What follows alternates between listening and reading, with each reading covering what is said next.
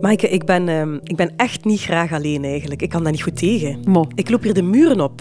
En eh, ik heb eigenlijk ook nooit alleen gewoond, alleen op kot gezeten. Ik ben nog nooit alleen op reis geweest. Wij gaan ook heel vaak met andere gezinnen op reis. Dus zelfs alleen met ons gezin is al uitzonderlijk. En als ik hier zo'n halve dag eh, thuis moet werken, hè, online, dan word ik een beetje zot en begin ik echt mensen te bellen of af te spreken. Ja, ik kan daar echt niet tegen, tegen alleen Oh, jong, bij mij is dat echt helemaal omgekeerd. Ik weet het. Ik ben super graag alleen. Ik wil eigenlijk Ja. elke dag een paar uur alleen zijn. Of minstens in de week een paar uur alleen zijn. Ik zou nooit nog een groep erbij vragen om op reis te gaan. Of oh, ik vind het eigenlijk al druk genoeg Ja, bij ons. Spijt mij, Maaike, maar het komende half uur gaan we toch met twee zijn. Ah, Oké dan.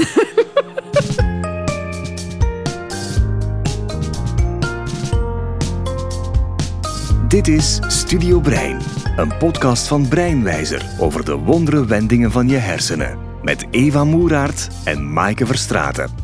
De vijfde aflevering van dit seizoen van Studio Brein gaan we het hebben over eenzaamheid. En vooral, wat doet die eenzaamheid nu in onze hersenen, Maaike? We praten met een getuige over onvrijwillige eenzaamheid. Een vrouw die strategieën heeft ontwikkeld om daaruit te geraken. Maar we praten ook met iemand die echt op zoek ging naar die rust in een eenzame job. Ja, we hebben het ook over knuffelen en huidhonger. En ook over hoe met kunst de eenzaamheid bestrijden. En dat allemaal in het volgende half uur. Welkom in Studio Brein.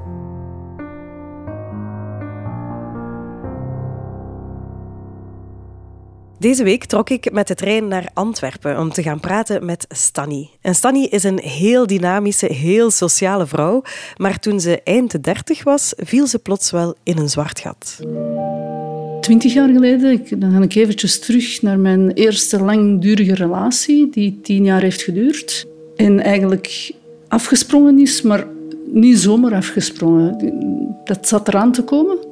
Maar daarna terug opnieuw beginnen, dat was... eh, Ik was toen 36, dus ik zat ook eh, in, een, in een fase eigenlijk waar ik ook wist van ah, er zijn een aantal zaken in mijn leven die, waar ik niet meer te lang moet op wachten, want die gaan zich afsluiten. Zoals bijvoorbeeld, ja, ik, ik wou heel graag eh, een gezin, kinderen. En ik wist in het begin ook geen blijf met mezelf. Terug alles eh, opnieuw alleen doen, zelfs de stomste dingen. Eh, de eerste keer terug alleen naar de cinema of de eerste keer eh, naar vrienden. Ehm, nu, dat was een relatie van tien jaar. Ik heb bij wijze van spreken tien jaar, goh, misschien zeg ik dat verkeerd, nodig gehad om daaruit te komen. Waar ik het meeste moeite mee had, was ineens werd ik met mezelf geconfronteerd. Eh, thuis ook, eh, als ik niet bezig was, dan... En vooral de avonden vond ik eigenlijk het moeilijkste. Dan, het leek alsof dat die muren naar u toe kwamen. Je kunt dat niet uit de weg, dat doet pijn. eh, Je weet geen blijf met je eigen. Je kunt wel terecht bij je familie, gelukkig. Maar ook dat, zij kunnen dat gevoel niet bij mij wegdoen. Oh, dat moet echt lastig zijn hè? op die leeftijd. Als je zo iedereen rondom je ziet trouwen en kinderen krijgen en met het leven verder gaan. En jij zit daar dan alleen. Ik mag Oh, er echt ja. niet aan denken. En Stanny die probeerde mij dat gevoel in haar hoofd en in haar lijf ook nog beter uit te leggen trouwens. Ik denk dat het eerder een gevoel is, er overkomt u iets en dat je niet goed weet van... Oh, wat moet ik daarmee? Waar moet ik dat gaan plaatsen? Dus je wordt overvallen eigenlijk. En ik denk dat dat iets in, voor mezelf hè, in mijn hoofd is. En dat, dat, dat, dan manifesteert zich dat natuurlijk door dat je dan, dan word je daarvan verdrietig. En dan kan het wel zijn dat je emoties, hè, dat je overspoeld raakt en dan, ja, dan begin ik te huilen of zo. Hè. Oké, dat eenzaamheid dus iets is dat zich in haar hoofd afspeelt, dat is heel duidelijk voor Stanny, dat Ja. horen we hier ook. Maar dat is trouwens ook heel duidelijk in de hersenwetenschap. Eenzaamheid heeft echt een zichtbaar effect op het brein, zeker als het chronische gevoelens van eenzaamheid zijn. En om dat helemaal goed te begrijpen, Eva, ben ik gaan praten met professor Marianne van der Hasselt. Die is verbonden aan de faculteit Geneeskunde hier van de Universiteit Gent. Er zijn al veel studies geweest om te kijken naar de link van eenzaamheid met eh, hersenfunctioneren. En het is heel moeilijk om de causale, het causale effect daarvan na te gaan. Hè? Want we zijn allemaal menselijke wezens. Om dan iemand ergens in een kamer te zetten en die dan ja, sociaal isolement te laten ervaren, is eigenlijk heel moeilijk. Meestal is dat, gebeuren die studies bij, bij eh, muizen. Maar we kunnen wel correlationeel gaan onderzoeken. Dus een bepaalde vragenlijst uh, afnemen en kijken hoe eenzaam iemand zich voelt. En dan zien we dat er veranderingen zijn in hersenregio's die te maken hebben met emoties, met cognities. Eigenlijk de manier hoe mensen hun emoties kunnen gaan reguleren. Dus kunnen controle houden over de emoties die ze voelen. Dus als mensen zich eenzaam voelen en vooral lange tijd eenzaam voelen, dan gaan zij op een minder goede manier met hun emoties om kunnen gaan. Dus wij zien de regio's de prefrontale cortex, die instaat voor waar dat we onze controle over houden. Wat willen we bereiken? Waar willen we naartoe gaan? Dat is de, de cognitieve controlefunctie. En we zien ook uh, amygdala-activiteit die verandert. Dat is met hoe dat je met emoties omgaat. Ook emoties kan herkennen en detecteren. En het hippocampus. Dus hippocampus is ons geheugen. Uh, en ook het aanmaken van nieuwe neuronen. Dus eenzaamheid heeft een heel belangrijk effect op onze hersenen. Ja, en wat ik mij nu ook direct afvraag, is, ja, je hoeft eigenlijk niet alleen te zijn in je huis of op een plek om je ook eenzaam te voelen. Iedereen kent dat wel, hè? dat je ergens op een feestje bent of een drukke locatie en toch voel je dat er iets niet klopt of, of dat je toch eenzaam bent. Eh, hoe zit dat dan eigenlijk? Ja, eenzaamheid is blijkbaar niet zo objectief als wij zouden denken. Ah, Het gaat echt niet over letterlijk alleen zijn, het gaat over het gevoel mhm. van eenzaamheid. En ook dan pas, als je je eenzaam voelt, is er een effect op je brein en op je lichaam. Eigenlijk is dat ongeacht hoeveel gezelschap je op dat moment hebt. Het gaat echt over het ervaren van een gebrek aan sociale verbondenheid. Het is inderdaad heel belangrijk van dat gevoel in kaart te brengen. Het gevoel van eenzaamheid en niet noodzakelijk de sociale contacten die iemand heeft. Het is echt afhankelijk van je eigen interpretatie. En het is vooral het gevoel van eenzaamheid die, die invloeden heeft op onze hersenen. Evolutionair hadden wij vroeger onze mensen rondom ons nodig om te overleven. We hadden elkaar nodig om samen ja, ons te beschermen en eten te krijgen en, en kinderen op te voeden. Ik weet niet waarom, maar ik weet wel dat het een van de belangrijkste zaken is die wij nodig hebben. Dat is ons sociaal contact en onze sociale verbondenheid.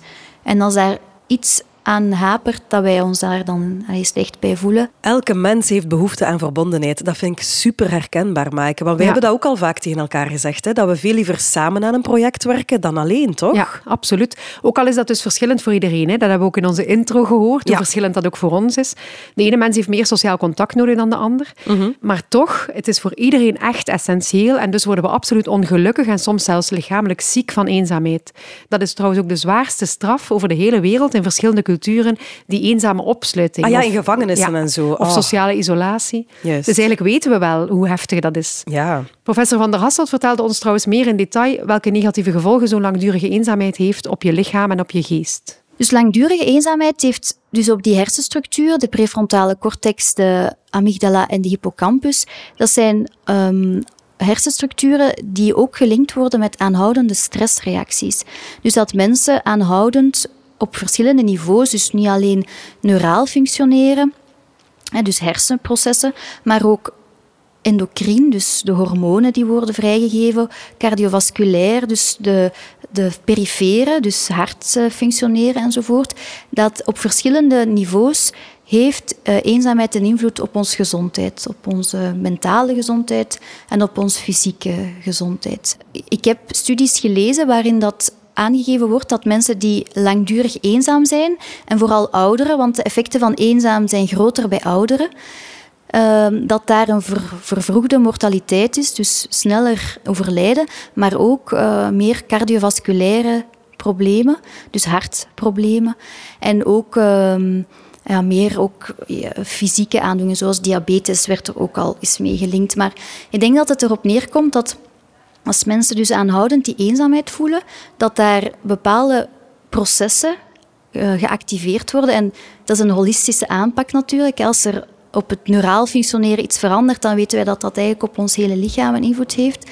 En dat dus door die aanhoudende stressreacties, dus ook onze immuniteit gaat verlagen. En dat daarom niet alleen dus op het mentaal een effect heeft van eenzaamheid, maar ook, zoals alles samenhangt, lichamelijk een groot effect uh, heeft. Ja, en dat dat zo negatieve effecten heeft, Eva, is best ernstig.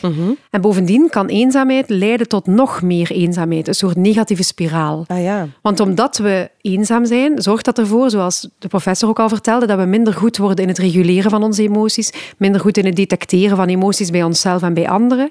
En dat we vaker vasthangen in negatieve gedachten, dat we meer stress voelen, meer sociale angst. En al die dingen zorgen ervoor dat je onhandiger wordt in sociaal contact. En ook dat je minder energie voelt om überhaupt contact te maken met anderen. Ja. Waardoor onze isolatie nog een keer vergroot. Dus dat is eigenlijk een hele akelige, vicieuze cirkel. Man, dat is heftig. En ik hoorde dat ook wel een beetje bij Stanny, hè, dat ze zo daarin aan het geraken was. Maar gelukkig had zij op het juiste moment de juiste reflex om daar toch uit te stappen. Wat ik gezien heb dat het helpt, is, is dat je op een gegeven moment in actie schiet op een of andere manier. Uh, misschien te raden gaan bij jezelf van oké, wat wil ik nu? Uh, het voordeel nu bijvoorbeeld in die eenzaamheid wat betreft de relatie was van, oh, je krijgt een zee van tijd. Hè? Dus uh, je kunt van alles gaan doen eigenlijk. ik ben van alles gaan ondernemen. Naar een schermclub geweest, ik heb dat negen jaar gedaan. Ik heb me ingeschreven in de academie. ik ben dan beginnen te tekenen. ik kreeg heel veel vreugde van dat tekenen. Ik heb me dan ook ingeschreven voor een D-cursus. Die heb ik dan ook uh, vervolledigd. En eigenlijk op een hele mooie manier ook. Ik vooruit, ik verder groeien. Tegelijkertijd op mijn werk ook eh, kreeg ik de gelegenheid om door te groeien. Ja, dat zijn allemaal zaken dat je dan op dat moment gaat aangrijpen ook. En, en ik begon vreugde te krijgen in alles wat ik uh, begon te doen. Kijk, better to be busy than to be busy worrying, zeggen ze dan. Hè? Dat is duidelijk. Heel krachtig ook van Stanny, dat ze zo oplossingsgericht is. Want als je veel alleen bent, Eva, ga je toch ook veel nadenken en analyseren. En daar worden we volgens professor Van der Hasselt ook niet gelukkig van. Je kan jezelf overanalyseren. Ja, je kan overpiekeren. En wat doet piekeren en rumineren? Want er is een verschil daarin. Piekeren is voor de toekomst. Ik vrees dat iets niet gaat gebeuren. Rumineren is in, de, in het verleden. Ik heb, waarom reageerde ik op die manier of waarom heb ik dat zo gedaan? Beide zijn eigenlijk gelijk in die zin dat een gebeurtenis die ver in de tijd is dan, dan het heden, dat je die gaat blijven actief houden, waardoor dat je die aanhoudende, stresserende reactie gaat hebben en waardoor dat je opnieuw weer biologisch je lichaam gaat gaan belasten met een met verhoging van stresshormonen enzovoort, die op termijn je lichaam zelfs kan gaan uitputten of kan ervoor zorgen dat jij um, in een depressie geraakt. Ja, dat piekeren, dat kennen we toch allemaal. Hè? Als je mhm. alleen bent, die gedachten die dan opkomen. En het enige wat mij dan helpt om daaruit te geraken, is iemand bellen of naar buiten gaan of met iemand anders gaan praten over iets anders, hè? Om, om, om dat weg te krijgen. En dat hoorde ik ook wel bij Stanny, want gelukkig had zij ook een netwerk waarbij ze dat kon doen. Mhm. Het doet goed natuurlijk als je mensen rond je hebt en je kunt dat delen. En als ik zie, ik ben heel dankbaar voor mijn familie, die rond mij uh, was in moeilijke periodes. Ik denk dat het belangrijk is die support te hebben. Uh, heel belangrijk. Maar op het moment zelf eh, dat gevoel volledig wegnemen, ik denk dat dat iets, iets is waar je zelf aan de slag mee moet. Niemand kan mij dat gevoel uh, wegnemen. Je blijft met dat gevoel zitten. En dat is, dat is iets dat, uh, dat je moet gaan oplossen op een of andere manier.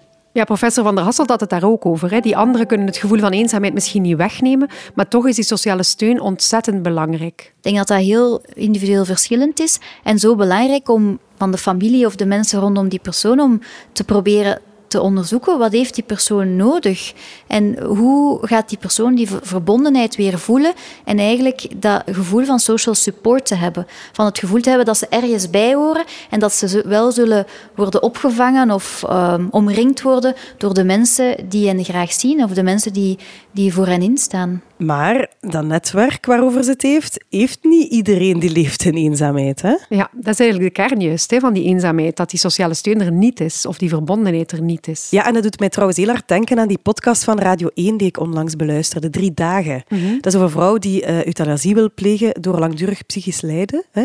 Maar doordat ze opeens erkenning krijgt van onder andere die podcastmakers en de aandacht en haar verhaal kan doen, begint ze nu te twijfelen of ze die euthanasie nog wel wil doen. Ja, mooi eigenlijk, want dat is ook een soort actie ondernemen dat ze doet door mee te werken aan die podcast. Ja.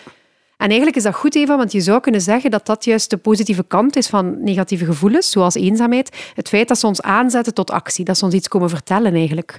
Eenzaamheid is een, ook een signaal van een behoefte. Ja, dat eenzaamheid ook een beetje een signaalfunctie is, wordt gezegd. Als je, dat die hersenregio's die zijn geactiveerd, dat die ook de hersenregio's zijn die geactiveerd zijn bij fysieke pijn. En daarom wordt gezegd van, dat is een signaalfunctie. Als je fysieke pijn hebt, moet je actie ondernemen om die pijn te gaan verminderen. En dat bij eenzaamheid dat zou kunnen, dat dat ook die functie zou kunnen hebben. Dat mensen die die hersenregio's of die hersenactivatie hebben om probleemoplossend te gaan zijn, om iets te ondernemen, om een bepaald gedrag te gaan stellen, Oké, dat is helder. Dat eenzaam gevoel heeft dus een doel eigenlijk. Hè? En we hebben het al gezegd, het gaat hier duidelijk niet over hoeveel of hoe vaak je alleen bent. Hè? Je hebt ook mensen die graag alleen zijn of die vaker alleen willen zijn dan anderen. Ja, jong, van die rare zoals ik. ja, en ik moest daarbij ook denken, niet alleen aan jou, maar ook aan de nachtlezers op de radio. Ja, hè? ja, ja. Die mannen of, of vrouwen die daar s'nachts het nieuws lezen op de VRT, die daar helemaal alleen, denk ik, in dat gebouw zitten. En ik vroeg mij dan echt ook af, hebben die wel voor die een job gekozen of zijn die zo wat uh, allez, weggepromoveerd of zo? Eigenlijk afgewezen door de groep nieuwslezers. Ja. Oh. Wel ja, dat weet ik niet. Sociale isolatie op de VRT. Wie weet is dat de ergste straf. Maar ik, ik ben erachter gekomen dat dat niet zo is. Ah, er was onlangs een vacature voor nachtlezer, had ik gezien. En er moet daar blijkbaar nogal wat volk op afgekomen zijn. En een van die nieuwe nachtlezers nu is Jo Valvekes. Wie s'nachts naar het radionieuws luistert, herkent misschien zijn stem. Luister eens mee.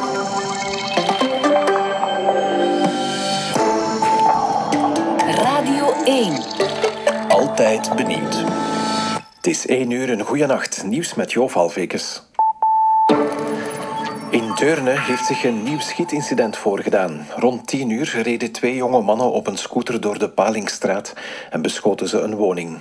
Willem Michom van de Antwerpse politie. Wel rond tien uur eh, vanavond. Ja, en onlangs, Maaike, ben ik dus opgebleven tot na één uur s'nachts om eens te skypen met Jo over zijn nieuwe job. Het is een onwezenlijke plek, die redactie, s'nachts. Je ziet een, een zee aan bureaus waar, waar veel gewerkt is. Dat zie je aan de kranten die open liggen en de koffietassen die er soms nog rondslingeren en zo. Ja, de, overdag is dat hier een één grote bedrijvigheid. En s'nachts is dat de woestijn. Dat is heel raar, ja. Ik kan hier rondwandelen en dat is een, dat is een spookstadje. Ja. Hier is niemand. Heel af en toe zie ik eens een nachtwaker. Dat uh, gebeurt zo ongeveer ja, één nacht op de twintig of zo. Um, dat er eens iemand passeert. En heel uitzonderlijk is er natuurlijk wel, uh, wel nog eens iemand die, uh, die langskomt. Maar ook dat gebeurt eigenlijk maar één keer per maand. Iemand van Sportza die nog van een wedstrijd terugkomt die laat plaatsvond of zo. Op zich is het niet zo uitzonderlijk. Alleen werken. Ik, ik denk dat dat een beetje. Um, ik denk dat dat bij mij gewoon harder opvalt omdat het s'nachts is en omdat het op de VRT is en omdat het op deze specifieke plaats is. Maar ja, er is zo een, een raar ding. Uh, wij, wij hebben een soort alarm, alarmknop, waarmee we de security, de bewaking, moeten verwittigen als, uh, als we onwel worden, bijvoorbeeld. Tegelijk, ja, ik, vind, ik vind dat nobel dat ze dat doen, maar het is een beetje vreemd omdat ik ongelooflijk veel mensen ken die gewoon een hele dag op hun eentje zitten te werken op een kantoortje of achter hun bureau en die hebben geen alarmknop. Maar ja, je zit daar midden in de nacht en je kunt ook niemand zien. Allee, ja, ja. Anders kan je wel uit dat kantoor of zoiets kunnen, om iemand te zien en dat heb jij nu niet, toch? Nee, het is inderdaad het, het is een, een soort trip van 12 uur. Dan verdwijnen de laatste collega's tot uh, 4, 5 uur. Dan, dan komen de eerste binnen, afhankelijk of het weekdag of weekend is. En in die 4, 5 uur heb je geen contact met, met niemand. Ja, ik hoor niemand. Ik weet, en dat is het vreemde natuurlijk, ik weet dat er mensen zijn die mij wel horen elke uur. Um, of het nu bakkers zijn of uh, mensen die met pakjes rondrijden. Of, ja. Praat je niet tegen je eigen? Nee, uh, nee uh, soms zing ik wel. Aha. Maar, maar, dat heeft ook te maken met... uh, dat is ook gewoon goed voor die stem. van wakker te houden. Ik, ik praat hier eigenlijk niet s'nachts. Ik praat sowieso nooit tegen de dingen uit mezelf. Maar, maar zo, ja, een klein beetje zingen of meezingen, dat, dat doe ik wel. Ik denk niet dat dat hier overdag gebeurt. Als hier honderd man rondloopt op de nieuwsredactie, dan denk ik niet dat er iemand zijn keel mee moet openzetten met een van de liedjes. Ik zie hem daar gewoon al zingend rondlopen. Zo'n tof beeld. Maar blijkbaar begint hij dus niet tegen de dingen te praten. Terwijl, herinner je die film Eva Castaway met Tom Hanks? Ja, op dat, eiland. op dat onbewoond eiland zit, ja. En daar begint hij een vriendschap met een basketbal. Hij noemt die dan Wilson. Ja, hij schildert daar zo met rood, een, glimlach op. Ja, maar, maar Jo heeft geen Wilson, denk ik. Hij voelt zich niet echt eenzaam op die VRT, hoor. Nee, blijkbaar heeft hij daar dan toch bewust voor gekozen. Heb je hem dat gevraagd? Ja, ik heb hem dat gevraagd en blijkbaar vindt hij het zalig, die Ah, rust s'nachts. Toen die vacature verscheen, besefte ik van dat is een job die op een of andere manier veel ruis uitschakelt. Dus ik heb, wel bewust, ik heb echt bewust gekozen voor deze job, omdat ik voelde dat dat iets ging doen met mijn hoofd wat, wat ik misschien wel nodig had. Of wat ik zeker eens wou proberen. En, en dat is wel gelukt. In, die zin dat het is geen... ehm, het is geen makkelijke job. Het blijft een job met een stevige verantwoordelijkheid. En, en die vraagt eh, een, een goed inschattingsvermogen en vraagt verschillende vaardigheden om, zowel op vlak van eh, taal als journalistieke vaardigheden en dergelijke. Maar het is niet zo, en dat is een ongelooflijke luxe, dat mijn werk nog doorgaat op het moment dat ik naar huis rijd. Ik, ik had het nog nooit meegemaakt dat, dat een job stopte op het moment dat ik naar huis reed. Dus dat doet veel met mijn hoofd. En ik voel ook dat het, eh, dat het me ligt en dat, het mij, dat die rust in mijn hoofd dat dat mij erg veel waard is. Ja. En dat dat ruimte creëert om ook buiten dat werk anders in mijn leven te staan en anders met eh, andere mensen en met gezin en met vrije tijd om te gaan. Dat is allemaal veranderd. En ten goede. Ik heb nu het gevoel dat ik mentaal wat aan het recupereren ben van een hele drukke periode. En dat is een beetje raar, want nachtwerk is ook wel belastend. Dat is Ja. ook, ook fysiek een aanslag en dat is ook, eh, ook stevig, maar ja, anders. Oké, het is dus voor Jo duidelijk een heel bewuste en waarschijnlijk ook een hele juiste keuze. Ja. En dat is natuurlijk iets anders dan eenzaamheid, hè, want eenzaamheid is niet hetzelfde als rust in je hoofd. En bovendien zijn we in psychologisch onderzoek heel sterk hoe belangrijk een sociaal netwerk is voor iedereen om je te beschermen tegen zowel fysieke als psychische problemen. En dat netwerk heeft Jo duidelijk thuis wel. Wij zien eigenlijk de grootste buffer tegen aanhoudende negatieve gevoelens is een sociale support hebben. Dus dat je het gevoel hebt dat je een sociaal vangnet hebt als er iets is dat je naar iemand naartoe kan gaan. En dat is voor de meeste mensen zo, maar voor sommige mensen kan dat sociaal vangnet kleiner zijn dan voor andere mensen. Oké, dus we kunnen Jo helemaal niet vergelijken natuurlijk hè, met de situatie van Stanny jaren geleden. En we hoorden al daarnet dat Stanny actie had ondernomen en veel tijd had om te gaan sporten en naar de kunstacademie te gaan. En wel, daar zijn heel mooie dingen uit voortgekomen. Met deze bijvoorbeeld, dat is een eh, zelfportret. Eh, dus ik, wat er toen gebeurd is, eh, op dat moment had ik eh, zin om eh, mensen te zien. En ik denk dat ik zeker tien mensen had gebeld binnen mijn netwerk en niemand kon toen. Oh, ik was dan zo boos, verdrietig, ik weet niet wat het was. En dan dacht ik, oké, dan zet ik mij voor de spiegel en ik begin te tekenen. Voilà. Ja. En dat was het resultaat. Kan je eens beschrijven? Ja, er zit, er zit een concentratie, denk ik, ook wel in. Een, misschien ook wel een bepaalde kracht. Eh, zeker een emotie is erin te zien. Maar zeker een focus. Er zit een bepaalde focus in. Ja, dat is heel mooi. Ja, April 2005, dat ja, ja dat was die periode. Ja. Ja, absoluut. hier hangen bij jou?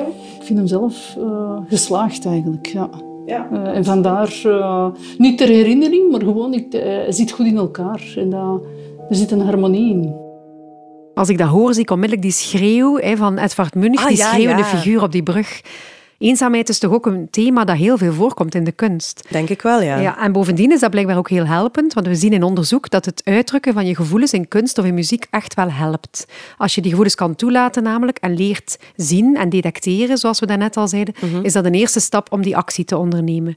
En bij dat actieondernemen, Eva, kan kunst ook helpen. Door jouw werk, door iets te maken, door je uit te drukken, kan je die ervaring delen met anderen. Ah ja, dat voel ik ook heel hard. Hè. Ik kwam binnen in het huis van Stanny, ik zag dat schilderij en dat was het eerste waarover we praten. En zij begon onmiddellijk te praten over de periode waarin ze dat geschilderd had. Dus dat was echt een directe verbondenheid, een direct een verhaal ja, eigenlijk. Dat creëerde eigenlijk een verbinding al. Hè? Ja, inderdaad. En dan vraag ik mij af, ik, ik ken ook zo wel van die mensen waarvan ik vermoed dat ze eenzaam zijn, Mhm. maar die geen schilderij gemaakt hebben of die daar niet zo open over praten.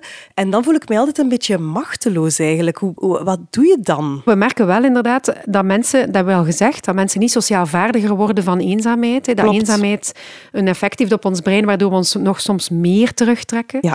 Dus wij zullen toch zelf contact moeten blijven maken. Als we zien dat mensen eenzaam zijn, of als we denken dat ze zich eenzaam voelen, zullen wij dus ook misschien een reactie die van hen misschien heftig of emotioneel of stressvol is of onhandig, zullen we die reactie toch moeten kunnen negeren of laten zijn Ja. en, en een beetje daaroverheen stappen en toch contact maken. Toch echt moeite doen eigenlijk. Hè? Ja. Belangrijk om te weten, Eva, in dat geval is dat aanraking, lichamelijke aanraking, een heel groot effect heeft. De Dus- huidhonger, hè? Maar echt, ze zeggen dan, hugs can heal. Ja. Eh, Bijvoorbeeld alleen al omdat lichamelijk contact zorgt dat onze stresshormonen verlagen. En het zijn juist die stresshormonen, dat hebben we daarnet al gezegd, die maken dat die hippocampus minder goed werkt. Dus bij eenzaamheid helpt het heel erg om iemand echt gewoon even aan te raken, even te knuffelen. En dat is toch ook jammer nu in deze coronatijden, dat die knuffels nu net wegvallen bij die mensen ook. Hè? Ja, dat klopt, hè, want mensen zijn echt knuffeldieren, Eva. We hebben Ja. echt inderdaad die huidhonger.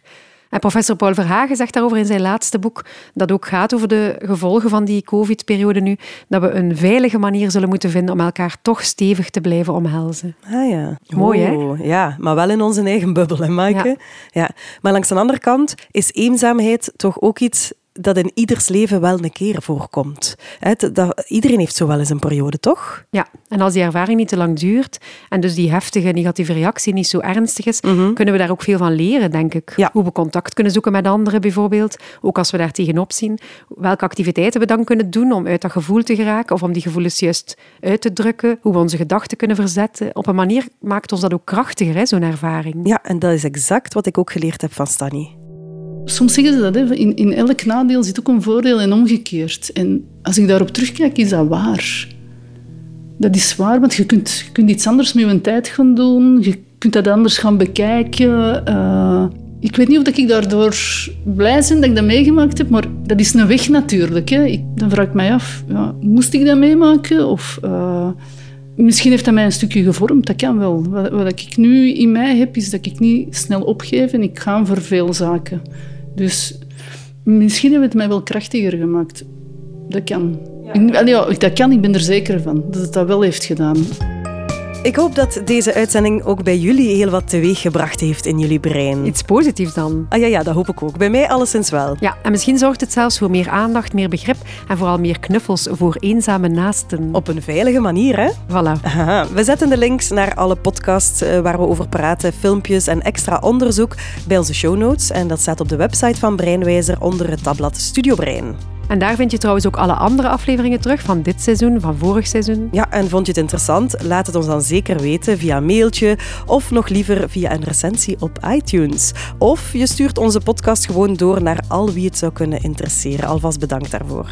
En wij danken ook graag nog eens onze geluidsman Sander voor de muziek en Wouter Landuit voor zijn warme stem in de intro. Ja, volgende week ronden we dit tweede seizoen af met een uitzending over het brein van de linkshandige. Of de rechtshandige, het is maar hoe je het bekijkt. Dag!